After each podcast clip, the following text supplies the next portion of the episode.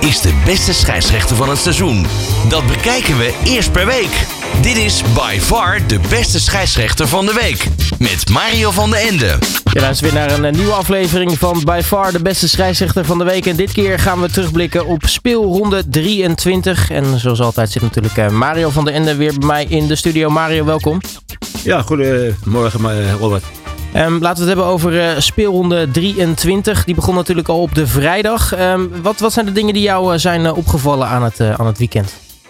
Nou ja, laten we dan maar gelijk even naar vrijdag teruggaan bij FC Utrecht Heracles. Dat was eigenlijk over de arbitrage ja, niet zo gek veel op te merken. Omdat het eigenlijk een hele ja, relaxte wedstrijd was. Maar er was wel één situatie die wel opviel. En dat vond ik eigenlijk een heel koddig moment. toen op een gegeven moment er een gedeelte van de lichtinstallatie op de hoofdtribune.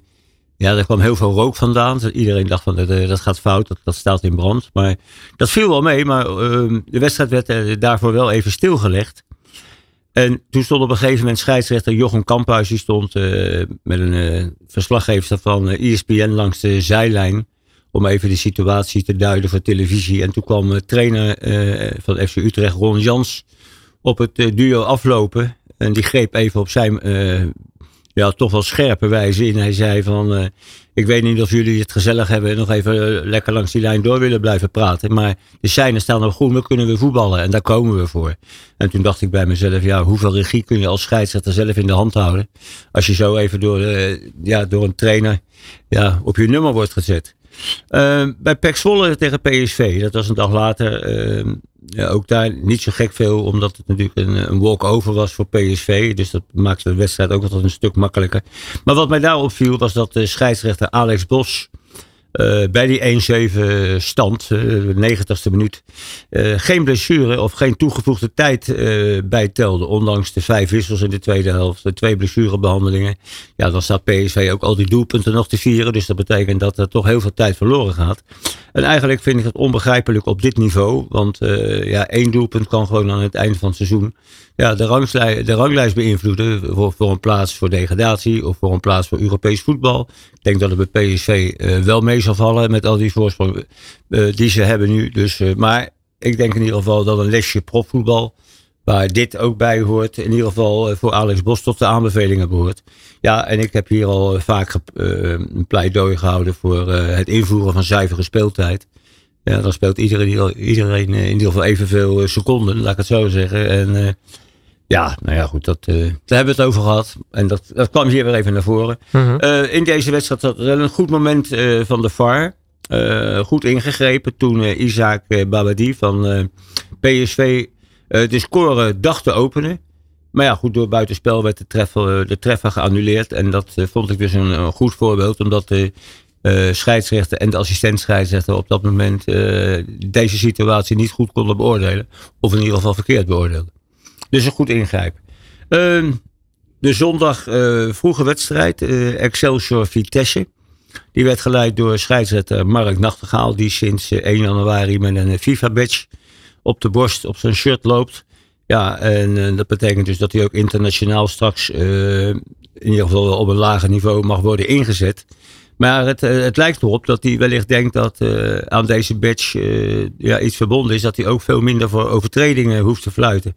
Ja, zoals ook in deze wedstrijd. En ik moest ook glimlachen uh, toen de ESPN-commentator, toen ik rustig op de bank die wedstrijd zat te bekijken, hoorde zeggen dat zijn manier van fluiten wel het tempo in de wedstrijd hield. Ja, dat het daardoor een, een, leuk schouwspel werd. Maar een, een, drietal minuten later, toen vroeg hij zich wel af, de commentator, van waar de gele kaarten bleven. Dus toen dacht ik van ja, wat is nu belangrijker? Hè? Alles door laten gaan dat je een knotsgekke wedstrijd krijgt. Of dat je de uh, overtredingen adequaat bestraft. En ik neig nog steeds naar het laatste. Uh, in de tweede helft bij een 1-1 stand uh, zag ik een situatie die, die ik erg onderbelicht vond blijven. Toen Vitesse-doelman Elroy Room met een gestrekt been inkwam op Excelsior spits Troy Parrott. In het strafschopgebied van Vitesse. Ik vond het gevaarlijk inkomen. Uh, in mijn optiek een overtreding. Waar overal op het veld op een andere plek voor zou zijn gefloten. En misschien al wel een gele kaart zou zijn gegeven. Het was in mijn optiek een, een, typisch voorbeeld van de man en de bal spelen. Nou, Nachtegaal weet niets. En ook de VAR, in dit geval de rookie Ver Eiken. die bleef muisstil. En dat verbaasde mij. Want ik, ik dacht van nou, dit is niet... Ja, ze hadden het over een riskante ingreep. Nou ja, ik vond het een gevaarlijke ingreep. Almere City tegen Feyenoord. Ja, toch wel een stevige discussie over een afgekeurd doelpunt van Geert Truida voor Feyenoord. Mhm. omdat Santiago Gimenez in aanloop naar dit doelpunt buitenspel zou hebben gestaan. Nou, dat, dat stond hij ook. Dus ehm, eh, hij stond inderdaad buitenspel in in aanloop. Het, was inderdaad wel drie, vier situaties voordat het doelpunt gemaakt werd. Maar goed, uh, het werd alleen gecompliceerder omdat Almere-speler Jochem Ritmeester van de Kamp de bal onderweg nog beroerde. Ja, maar goed, omdat de Almere-speler de bal niet bewust speelde, volgens mij en volgens mij ook volgens de arbiters en de VAR van dienst, ja, omdat hij geen controle over de bal had, snapte ik dat uh, de VAR, in dit geval Stan Teuben, scheidsrechter Edwin van der Graaf, uh, hierop attendeerde. Nou ja, en toen uh, in ieder geval naar het scherm haalde. Ja, dat het dan weer 4,5 of 5 minuten moet duren voordat de situatie bekeken wordt. Ja, dat vind ik toch weer van een beetje amateurisme getuigen. Omdat het, ja, de situatie, dat, ja, het is buitenspel ja of nee, zo simpel is het. En dan het constant herhalen, constant herhalen, dat, dat wekt alleen maar irritatie en ja, en verwondering op. Ja, uh, later hoorde ik ook in, in een praatprogramma, ik later op de avond, dat deze situatie kwam door de onkunde van ritmeester van de kamp. Ja, dat zou best kunnen zijn en dat die onkunde dan beloond zou worden in deze situatie. Maar dat vond ik echt onzin, want onder de spelregels staat het gewoon heel duidelijk omschreven. Uh, Ajax die speelde uit bij AZ in Alkmaar. Uh, dat had een hele spannende eindfase kunnen worden als het doelpunt dat uh, Brian Bobby vlak voor tijd scoorde niet was afgekeurd voor buitenspel. Ja, maar ook dit was een terechte ingreep van de VAR, omdat ja, Bobby in ieder geval buitenspel stond. Dus dat, dat was een goede ingreep. En iets eerder in de wedstrijd, toen verbaasde het mij dat ook daar geen strafstop werd gegeven in een situatie toen van Grelis uh, Pavlides onderuit werd geschoffeld door Ajaxiet uh, Ahmed Dan Kaplan.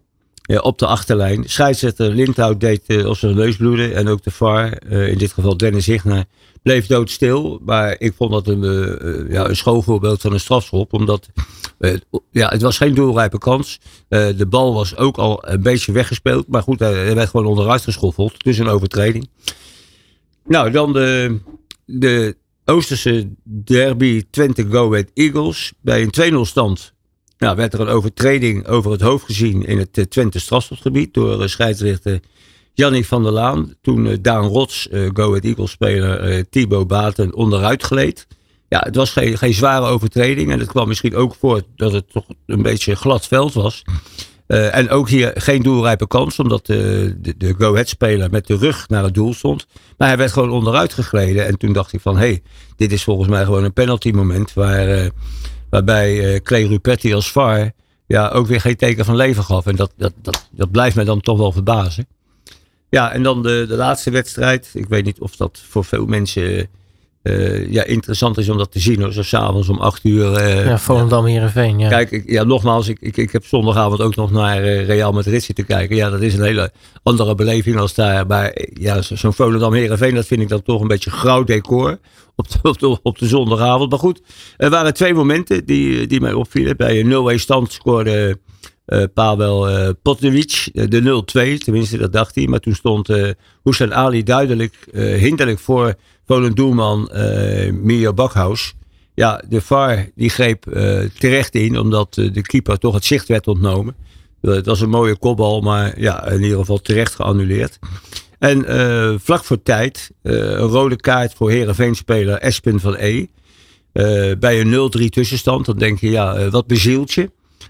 er kwam hard in op George Cox, de Volendam-verdediger, kniehoogte ja, nogmaals, als je de overtreding check bekijkt, dan denk je ja, een te, absoluut terechte rode kaart.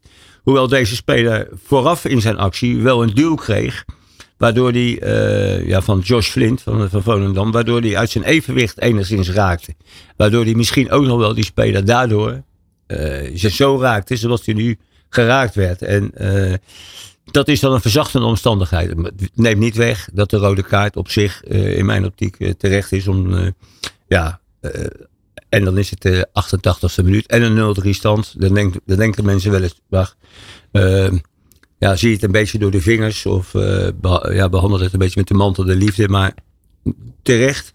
En uh, het is gisteravond ook bekend geworden dat hij van E in ieder geval voor twee wedstrijden langs de kant moet staan. Maar ja, dat is een beetje de normale straf die uitgereikt wordt bij een gele kaart, geloof ik, dit seizoen. Nou, en dat uh, waren de situaties die mij bij opvielen. Hartstikke mooi. Dan uh, gaan we kijken naar de cijfers. Welke scheidsrechter blonk uit het afgelopen weekend? Dit is by far de beste scheidsrechter van de week. All Sports Radio. Want ja, Mario, welke scheidsrechter mag zich uh, by far de beste scheidsrechter van de week noemen? Nou ja, by far kunnen we de, moeten we nu even nuanceren. Omdat, uh, ja, nee, nou goed, het, het, was niet echt. Uh, het hield niet echt over, vind ik. En Joey Coy, Alex Bos, Dennis Hichler en Rob Diepering, die hebben allemaal een, voldoende gehaald. En die hebben, die hebben allemaal hetzelfde cijfer, maar dat moeten de mensen maar even op de site gaan kijken. En uh, ja, nou goed, die mogen dan deze week zich dan toch wel even de, de scheidsrechter bij, bij VAR noemen.